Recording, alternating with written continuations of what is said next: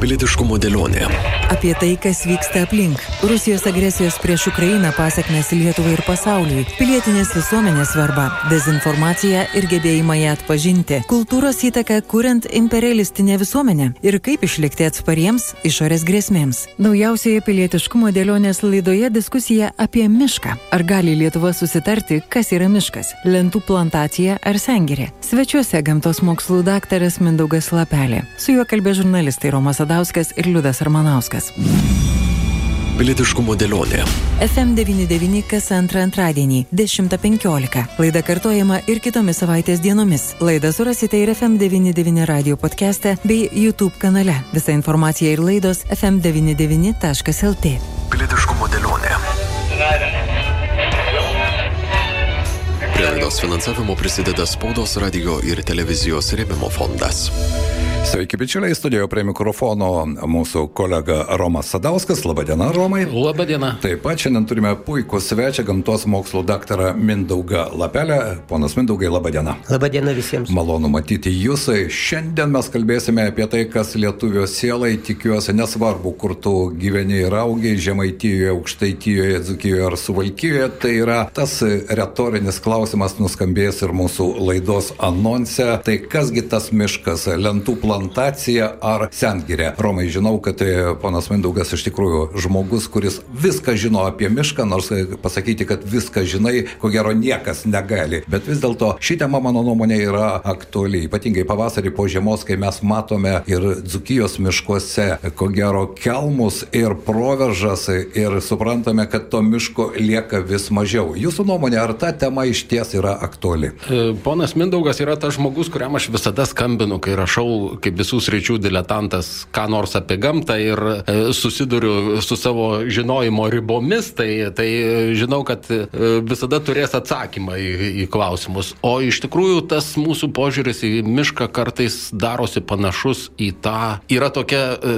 patarlė, gal ne, ne patarlė, čia turbūt bus pasakėčia, reikėtų pavadinti, kaip neregiai čiupinėja dramblį, vienas už kojos, kitas už straublio ir vienas sako, kad čia vandens žarna, kitas, kad pastato koloną. Tai taip panašiai mes ir tą mišką matom. Vienaip tie žmonės, kurie ateina grybauti, kitaip tie žmonės, kurie galbūt ten tyrinėja kažkokius e, paukščiukus ar gėlytes, dar trečiaip e, e, tie, kurie tą mišką kerta ir, ir gyvena iš medienos. Ir galų gale, ar yra Lietuvoje kažkas, kas mato vis, panas Mindau? Ne, tai čia viskas ir prasideda nuo to klausimo paprasto, vat, ką jūs ir pasakėt, kas yra miškas. Va. Ir kai tu tą atsakai, tai tada tu jau, kaip sakyti, ir pasirinki savo, savo pusę. Ar tai yra iš tikro pagrindas miško, tai yra, yra mediena, ir šitas ir medynai patogus ūkininkavimui, e, ar pagrindas miško, miško esmė yra visai kas kita, kas duoda mums, reiškia,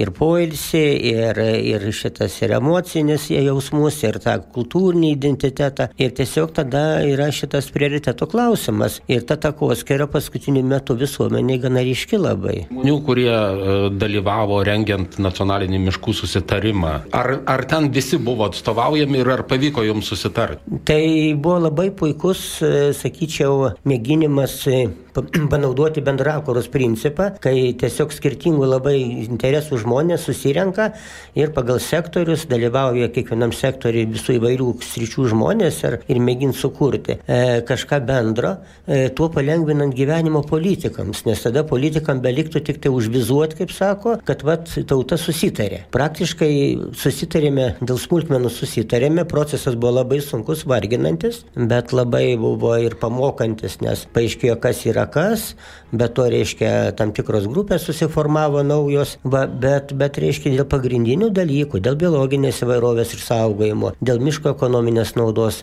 taip ir liko nesutarta, tai yra kaip ir tas kamuolys permestas jau tada e, politikams spręsti. Tai dabar politikai spręs vis dėlto, kas tai, tai yra miškas. Taip, jiems bus sunkiau, kadangi tada vėlgi visokios interesai, lobizmas, va, bet, bet jau jie dabar turės jie spręsti, ar ten ta 30 procentų saugomų teritorijų Lietuvai per daug, ar, ar nepakanka, ar 10 procentų griežtai saugomų yra, yra reiškia šitas. E, o beje, kiek, kiek jų dabar yra? Tai mm, jeigu taip grubiai pasakius, e, daugumoje saugomų teritorijų, ypač didesnių, tai yra nebūtinai tik tai visi įsivaizduoja žmonės dažnai, kad ten viskas saugoma. Realiai kažkur tai sakyčiau 10 su trupučiu procentų. Tai yra vien, vienas su, su trupučiu procentas yra rezervatai, kur jau rezervatų miškai, kur tikrai jokia veikla nevykdoma, tai ir tie didieji rezervatai, ir mažesni rezervatai regioniniuose parkuose, kaip punios šilo atvejais, ar, ar kiti tokie smulkus. Ir Čia, dar čepkeliai. Ir... Čepkeliai, tai jau čia didieji tie.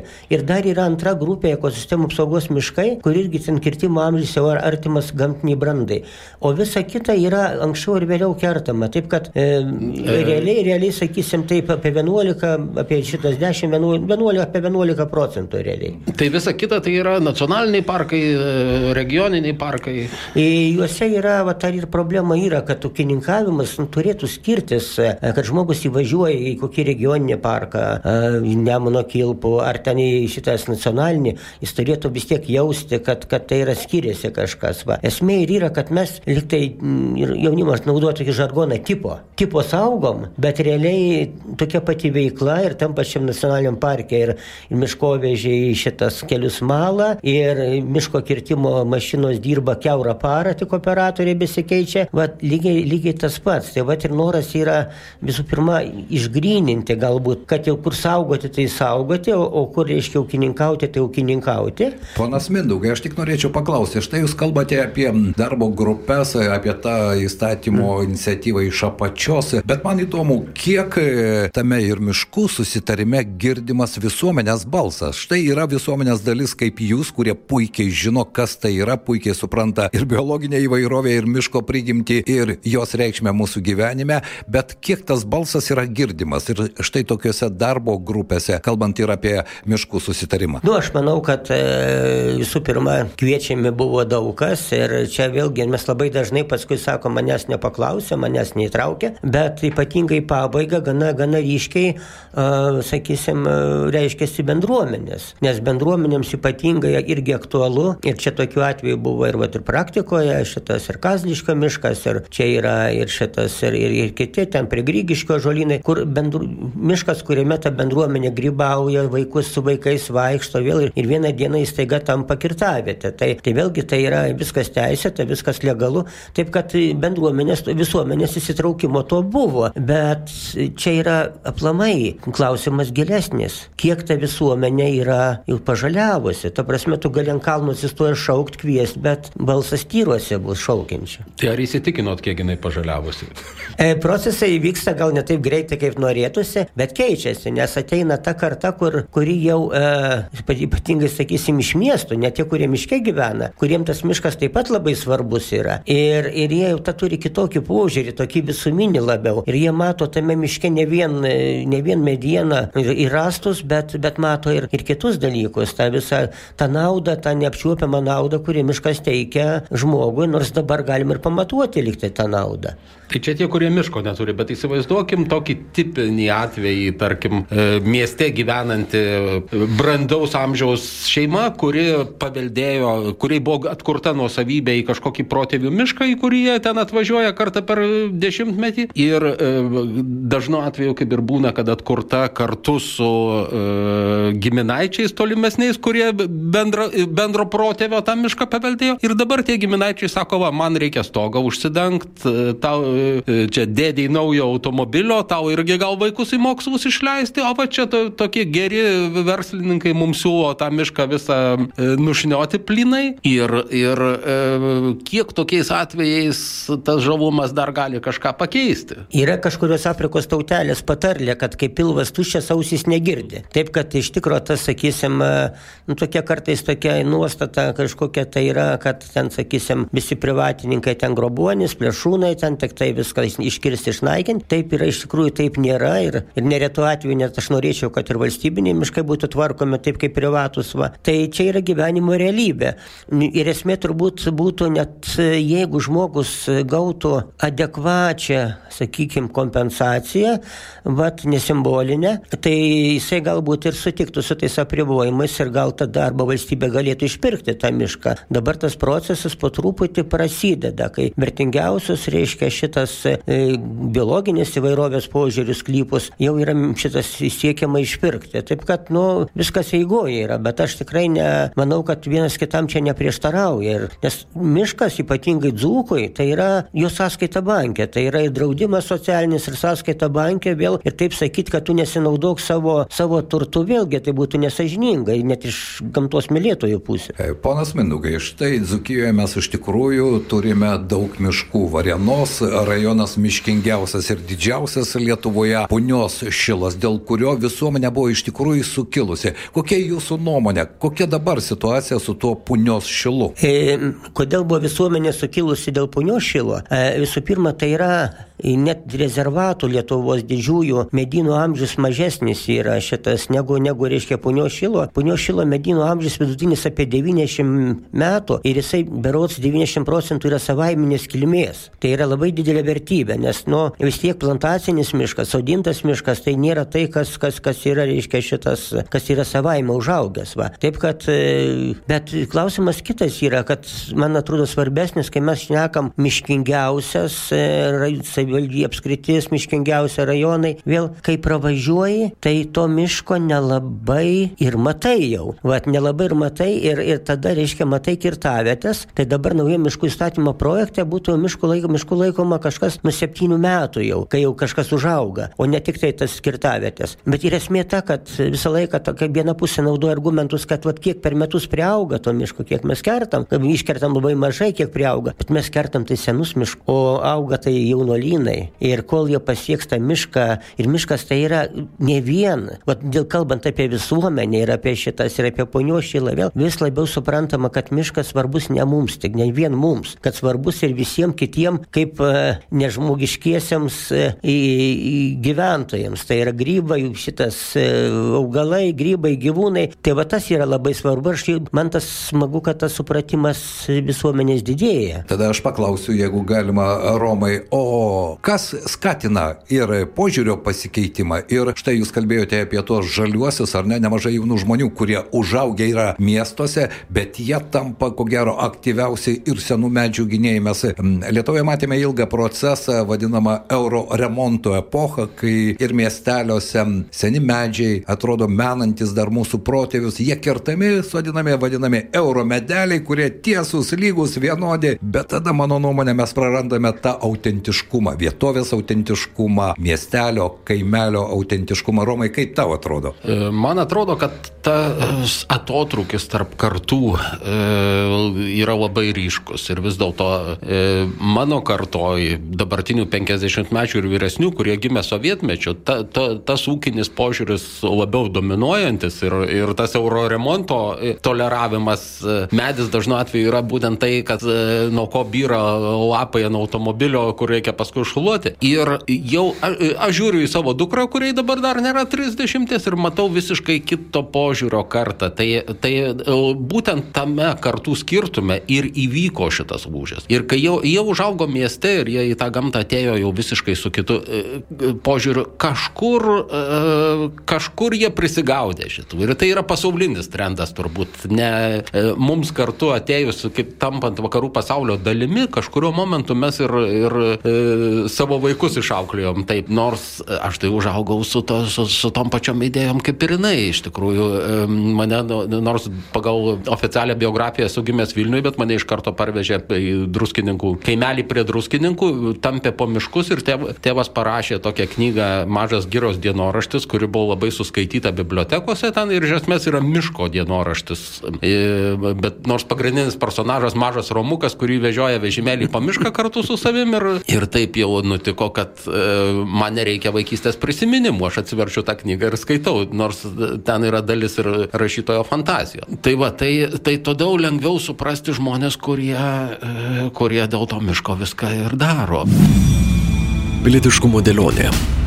Žinau, kad ponas Mindaugas e, smarkiai įsitraukė į Sengirės fondo veiklą. Kas tai yra? Ir visi, visi girdėjo apie filmą Sengirė, matė, kad e, ten gražių vaizdų, e, suprato visi skirtingai, kas iš tikrųjų yra Sengirė ir Sengirės fondas ir kaip tai atsirado ir ką jūs ten veikėt. Tai Sengirės fondas čia tikrai labai įdomi tema yra, nes praktiškai filmas Sengirė, kuris visą pasaulį, kaip sakyti, salėse buvo rodomas viso pasaulio, iš tikrųjų filmas yra apie pabėgėlius. Yra, sakysim, labai aktuali tema ir šiais laikais apie pabėgėlius, tai yra apie gyvūnus, to, tos Sengirės gyventojus, kurie, kurie reiškia šitas kaip ir nelabai jau turi savo namų. Bet e, buvo šitas dalies visuomenės suprasta, kad, kad tai yra įrodymas, kokia dar turtinga Lietuvos gamta. Ir realiai tam filme beveik nėra Sengirės tikro tokio miško. Ir tas pats idėja, tas Sengirės ten daugiau vizija yra idėja. Mes tokios Sengirės realios netgi punios šilė neturime. Mes turime senus miškus, brandžius miškus su tam tikrais Sengirės elementais. Gal ne visur pasiekė tenai šitas e, ūkininkavimas, tenai neištraukti medžiai, iš kokių griovų, raguvų, šlaitai, dar visai kita. Ir, ir va tas noras, noras yra, nors mažai daleliai to Lietuvos miško leisti tapti Sengirę. Va, ir kitas dar momentas yra labai svarbus, vat kalbant apie, sakot, ir apie jaunimo tą va, įsitraukimą vėl. Tai pradžioje buvo klimato, pradžioje buvo neigimas, aišku, paskui jau ypatingai jaunimas jau nebesiginčia dabar niekas, kad klimato kaita vyksta, kai mes turim penkias valandas šviesos sausio mėnesį Vilniuje. Va, tai, tai šitas. Ir tada buvo tai mėginimas tos kaip ir prieš pastatyti, kad e, jauni medžiai daugiau sugeria anglės dvideginio, tai jauni medžiai išgelbės planetą. O seni medžiai, kaip ir seni žmonės, daugiau dujų išskiria ir taip toliau, netokie efektyvūs, bet tai buvo paimta kaip ir tokia, kaip ir teisingas tyrimas vienas, bet neįvertinant, kiek tas senas medis jau sukaupė tos anglies, kiek miško pakloti, kiek dirbožėmėje. Ir kažkaip ta kalba apie tą biologinį įvairovę, kuri nemažiau svarbi, nu vis tiek, kaip sako žmogui, paklaus, vienos kojos reikia ir dviejų. Tai tas kažkaip, nu pirmiausia, mes čia susitvarkysim su klimatu, o paskui vat, su biologinė įvairovė. Tai vad Sengirės fondo veikla kaip tik būtent nukreipta į tą biologinės įvairovės išsaugojimą, tą, kad medžio gyvenimas nesibaigia su jo nudžiūvimu ar nukirtimu. E, vat, kaip pušį paimsiu pavyzdį, reiškia šimtas metų ūkinė miške kirtimo amžius. Pušis gali gyventi ir 300 metų Lietuvos sąlygom, Suomija dar daugiau Švedija. Dar stovi arti šimto metų stačiai, jeigu šitas ne, audros neišverčia. Dar nugriuvus pūna ten 50-100 metų. Ir tas medis visą laiką jis ir gyvastingas, jis yra gyvas, jis teikia gyvybę kitiem. Tai va įsivaizduokite, reiškia, jeigu taip, mes pagyvenam 30 metų ir sako, viskas jau traukitės, užleiskit kitai kartai, jeigu analogija su žmonėm būtų. Tai už tai va tas, tas ir yra sengirės, sengirės, reiškia, ir idėja, kad leisti tam miškui, nors nedėliuose gabaliukuose, užaukti pačiam, pačiam vystytis pagal save. Tai sudėtingas dalykas yra, bet nepabandęs nesužinosi. Paukočiau 2 procentus savo gyventojų pajamų mokesčio, kaip pildysiu dekoraciją jūsų sengirės fondui, tai e, ką jūs už tuos pinigus darytumėt? Tai yra, yra reiškia, šitas labai yra, penki, mes vadinam, juokimės 50 plus yra kriterijų, pagal kuriuos mes atrenkam vertingiausius medynus, sengirės fondo mokslininkai, ir tada mes akumuliuojam pinigus, vykdam dėrybą su savininkais vėl. Ir pavyzdžiui, va, to didžiausio dabar Raigardų sklypo, kuris išpertas ten gal 27 hektarai ar kiek, tai ketvirtadalis pinigų tai buvo būtent tos smulkios, va tie 2 procentai arba smulkios aukos. Tai yra, tai yra šitas žmonės tą supranta. Ir kas man įdomiausia ir kas mane labai žavi, kad tai į tą pačiam Sengirės fonde, daug savanorių mes ten turime, ten nežinau, apie 70 ir mokslininkai talikina vėl, tik vienas etatinis darbuotojas, bet dauguma yra net ne biologai, yra IT specialistai, yra im šitas viešųjų ryšių, taip, tai yra nes žmonėm tas miškas jau nutampa reikalingas, nu pabėgti nuo tos įtampos, nuo to streso, nuo to, nuo to viso, reiškia, kaip sako, pasikrauti akumuliatorius. Ponas Mindaugai, juk e, ne vienas ko gero prisimena, kai sakydavo ir mūsų seneliai, išeinu į mišką, apkabinu ažalą, pastoviu 10 minučių, jėgos sugrįžta ir aš vėl galiu tęsti savo gyvenimo kelionę, ar ne? Ir tai ko gero iš tikrųjų, tai, na, tai ne vien tik tai vaizdingi žodžiai, tai iš tikrųjų tas sąlytis su su gamta, su medžiu, na, mes juk žmonės esame, mums tai yra tiesiog būtina sąlyga. Aš manau, kad taip, aš manau, kad taip ir, ir čia mes galim įvairiai vadinti tos dalykus, ten visokiais bioenergetiniais laukai, galim prigalvoti visokių žodžių, e, kaip tai įvardinti, bet kad tu ten jautiesi kitaip. Ir dar ir dar pasakysiu, aš tą labai mėgstu irgi kartoti. Jeigu paimt visas pasakas arba visas fantasy knygas, Tolkieną ir visą kitą, tai kirtavėtės ir jaunolynuose niekas nevyksta, ten tik goblinai prie, prie kirto miško, va, o fangorno, ta, o, šiaip, o šiaip tai viskas vyksta senose gyriuose. Ir, ir, ir tai yra, ir tas mūsų, sakau, tas ir kultūrinis paveldas, ir dvasinis visas, ir, ir vat ne veltui per sengirės,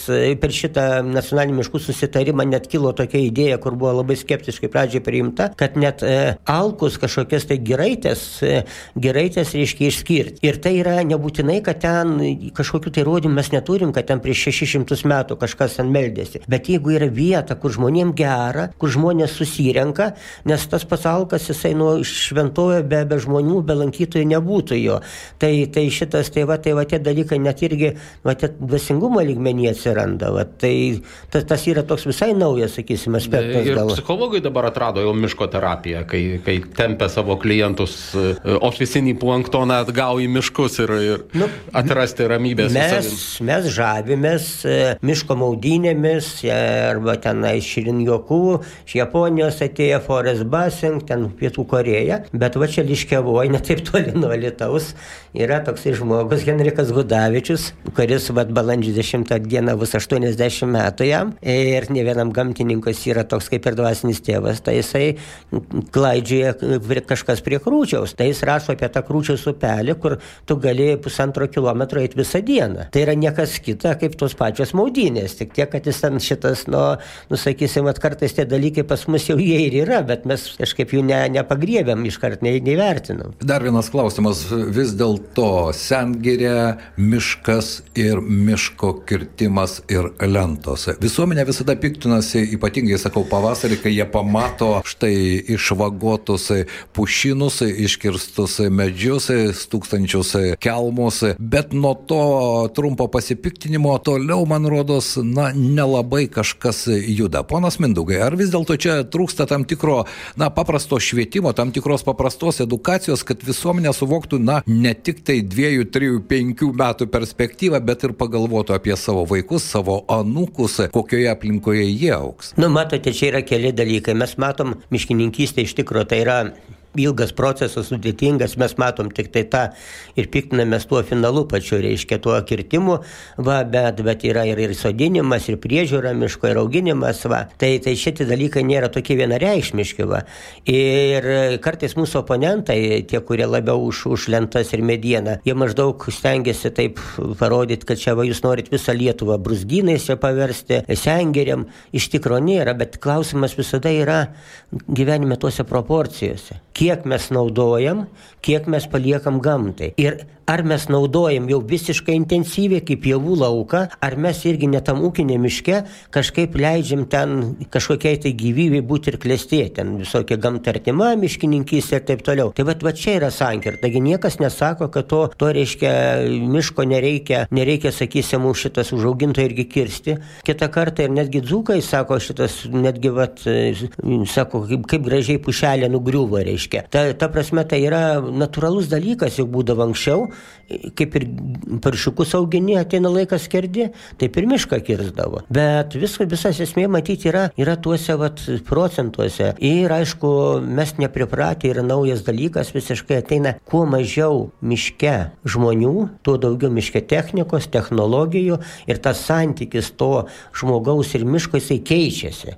Keičiasi, gal mums tai patikti ar nepatikti, jisai keičiasi, va, tas santykis. Tai va šitas, šitas dalykas yra labai svarbus. Ir dar vienas momentas, kuris, nu vis dėlto, jeigu taip kalbant apie tą intensyvę miškininkystę, tai vis tiek yra siekis e, ne tik Lietuvoje. Tai yra viena rūšis, vienodo amžiaus, vienodo dydžio, patogus apdirbimui ir šitas medžiai, nes jau senas didelis medis tampa irgi problema, sakysim, kartais ir miškininkai. Tai kaip sakėt, kaip javų laukas. Kaip javų laukas, taip. Tai vad kiek mums reikia tokių plantacinių miškų, ar tie ūkiniai miškai, kurie, kurie nesaugomose teritorijose, jie turi vis tiek atrodyti kaip miškai, ar kaip tas, vad kaip plantacijos. Tai va čia yra turbūt esmė ir yra. Tvari miškininkystė turbūt e, mažiau pelninga ir, ir, ir sąnaudos didesnės ten nu, po vieną medį pjauti. Tai matote, ne... šitas mes nori, nori ateisim, sakysim, saugomose teritorijose, ko gero, prie atrankinių kirtimų, va, bet tai yra, yra mes, ne, šitas mesgi turim suprasti, kad ir dabar mes jau gyvenam savo anūkų sąskaitą ir proanūkių. Tai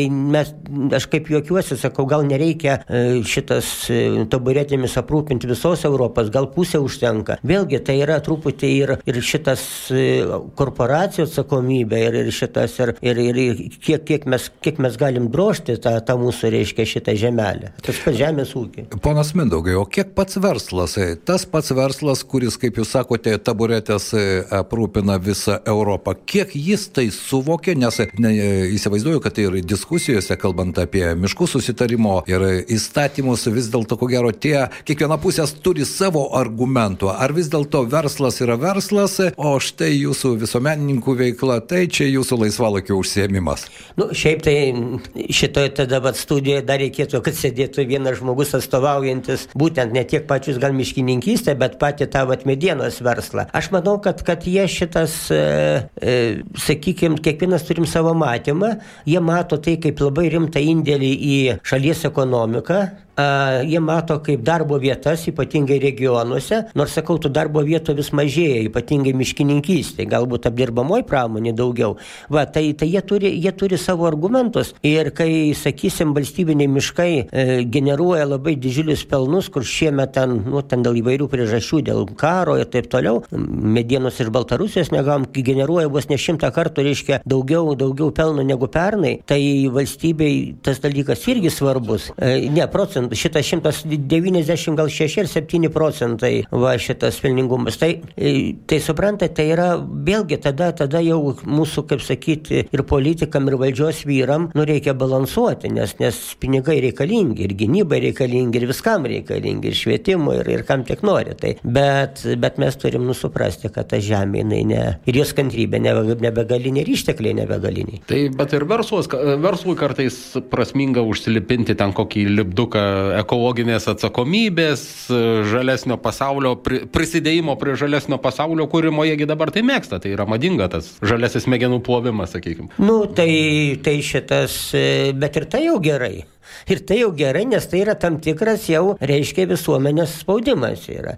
Va, ir, ir tai, tai nėra, štai aš kaip sakyti, šitą suprantu, kad tai yra plovimas, bet, bet iš kitos pusės e, ir daugybė tų, sakykime, visų konvencijų, tų garsiųjų, tų mit šitą susitikimų, klimato kaitos, Paryžiai buvo ten, Monrealį biologinės įvairovės, vėlgi tam tikra prasme tik maža dalis to, kas ten šnekama, realiai kol kas pavirsta realybė. Nors visi šneka, kad jau čia paskutinė riba, jau nėra kur traukti trauktis toliau, bet vis tiek įsiskirsto ir vėl gyvenimas teka savo vaga, reiškia. Yra Getės Fausto, yra teorija bralaus sausa šaka, teorija bralaus sausa šaka, užtat gyvenimo vaisingas medis žydė. Tai, tai va šitaip yra ir, šitas tiesiog esame procese tam. Tai jeigu ta uh, atsakinga visuomenės dalis sugebės paspausti politikus ir daly, turėti tokią politinę įtaką, e, kad įstatymai atsirastų e, jų poveikį, tai e, galbūt e, ir tą taburetą apsimokės labiau parduoti su tuo žaliu lipduku, e, kuris reikštų, kad jinai ten kaip nors ekologiškai atsakingai užauginta ir nupjauta ir, ir galų gale brangiau parduoti bus galima, kai, kai jinai tokia bus. Yra, yra šitas Džonas Steinbeko romanas, yra mūsų nerimo žiema. Tai dabar aš sakyčiau, kalbant apie miškus, tai mūsų nerimo pavasaris, nes, nes va dabar kaip tik aplinkos ministerija turi teikti įstatymų visą eilę šitas ir miškų, ir saugomą teritorijų, specialių žemės naudojimo sąlygų, aplinkos apsaugos ir taip toliau. Visi labai susiję tarpusavyje ir labai, kaip sakyti, pajutame, kad, kad reiškia būtent ta pusė, kuri nori intensyvinti gamybą, daugiau daryti, intensyviau auginti, jie toks pajutom tokį labai spaudimą, reiškia, yra pastoviai straipsniai, publikacijos, renginiai, miško pramonės rūmai atsirado, e, miškų ūkio rūmai turbūt tai vadintųsi. Ir šitas iš kitos pusės, tai va ta visuomenės dalis kita, nu, visi jie nori būti irgi išgirsti. Jie nori būti išgirsti, jie nori būti, kad jų balsas skambėtų skardžiau, tegul jie įsisklaidė kažkaip ir galvoja, kad viskas įvyks savaime vien dėl to, kad jų mintis teisingos. Tai va kaip tik rytoj bus e, pranešimai spaudai yra būrėsi, būrėsi žmonės, kurie mišką mato kitaip, kur ne vien mediena ir ne vien reiškia lentas, būrėsi tokį gyrių spiečių. Kas iš to išeis, bet tai būtent tokia, kaip anglai sako, grassroots organizacija, tai yra be, be jokių vadovų ir taip toliau, bet žmonės tiesiog tie, kurie savo darbus, savo, savo sakysim, ar tyrimais, ar savo darbu, ar savo rašiniais nori prisidėti prie ir prie to spaudimo politikams, ir prie, prie kitokio visuomenės nuomonės formavimo. Tai čia taptų atsvara, sakysim, tai medienininkų lobizmui, ar ne? E, tai tokia viltis yra, bet šitas ir galų gale vis tiek aš manau, kad nu, toj pačioj Lietuvoje gyvenam ir tie lūžiai vis tiek kažkokie tai įvyks ir, ir politikai galbūt pradės suprasti kartais, e, tu labiau artėja rinkimai ir, ir šitas ir į Seimą rinkimai artėja viską, pradės suprasti gal, kad kartais reikia daugiau tos žalumos jų, jų pažaduose reiškia. Ir jų mintys, tai irgi labai svarbu. Kągi, labai greitai prabėgo mūsų laidos laikas, tai neišsemiama tema, bet e, mano nuomonė, nežinau ar Romas ir Mindaugas sutiks, vis dėlto visuomenės nebeingumas yra vienas iš svarbiausių dalykų, kuris gali būti tuo e, akmeniu akmenėlių, kuris gali priversti rėdėti diskusijas, įvairių nuomonių išklausimą. Na, pagaliau tą miškų susitarimą ne tik šešiuose punktuose, bet visuose devyniuose punktuose. Man šiandien buvo labai įdomu su jumis pabendrauti ir aš tikiu, kad tos diskusijos iš tikrųjų jos turi būti ir girdimos visos pusės. Mindaugai, jūs tikite, kad iš, iš esmės ir tas jūsų balsas mokslininkų, žmonių nebejingų, biologinė įvairovė, ne vien tik tai miškams vis dėlto bus girdimas važiuodamas garsiau. Matot, yra mano laikrodukas tiksi vis greičiau ir greičiau ir yra toks labai gražus ūkiškas pasakymas. Senas žmogus sakė, užrašiau mišką jau sūnų, nes man žemė oboliais kvepia. Tai man norėtųsi, reiškia, kad tas įvyktų greičiau, kad aš tą dar spėčiau pamatyti, bet aš, aš tikiu, bet tai nenorėtųsi, kad tai būtų labai tolima ateitis. Aš truputį daugiau negu dešimtmečių jaunesnis, tai vis dėlto tikiuosi, kad dar pamatysiu. Šiandien noriu padėkoti mūsų laidoje viešiojo gamtos mokslo daktaras Mindaugas Lapelė, su kuriuo apie apie mišką ir gamtą ir biologinę įvairovę galima kalbėti valandų valandas. Ir ne tik apie tai, ir tos jūsų literatūrinės citatos, mano nuomonė, Romai labai paspalvino mūsų pokalbį. Žurnalistas Romas Sadauskas, kuris užaugo tarp medžių, ar ne, ir ko gero ta žalioji, tas žalesis pojūtis, jis taip ir tada persiduoda iš kartos į kartą, iš šeimos į šeimą. Aš to nepaklausiau, bet tai mano paskutinis klausimas, kiek šeima tame yra svarbi ir ji gali būti, na, tas trigeris. Jeigu laiku jeigu ištempė į mišką, kaip nutiko man, e, aš tą patį bandžiau daryti kitą kartą ir manau, kad pavyko. Ir dabar jau ir, ir būsimasis žentas kartu grybauta eina, tai manau, kad ir, ir dar vienai kartai pavyks po mūsų tai, tai perimti. Tai e, viskas tik iš šeimos ateina, niekur, niekur nuo to nepabėgsim. Be abejo, ir ypač ką daro Norvegai, jie net nemokina saugot gamtos savo vaikų, jie mokina sugyventi su gamta. Tai yra darželinukai, pradinukai, paskui jų gyvenimas pasisuka gal kitur, bet ką jau jie išmoko, ką jie gavo, tą jie turi. Ir jeigu tėvai keliavo, tai ir vaikai dažniausiai keliaus. Ačiū šiandien. Daktaras Mindaugas Lapelė, žurnalistas Romas Sadauskas ir Liudas Armanauskas buvo šios dienos mūsų laidoje. Pilietiškumo dėlionė.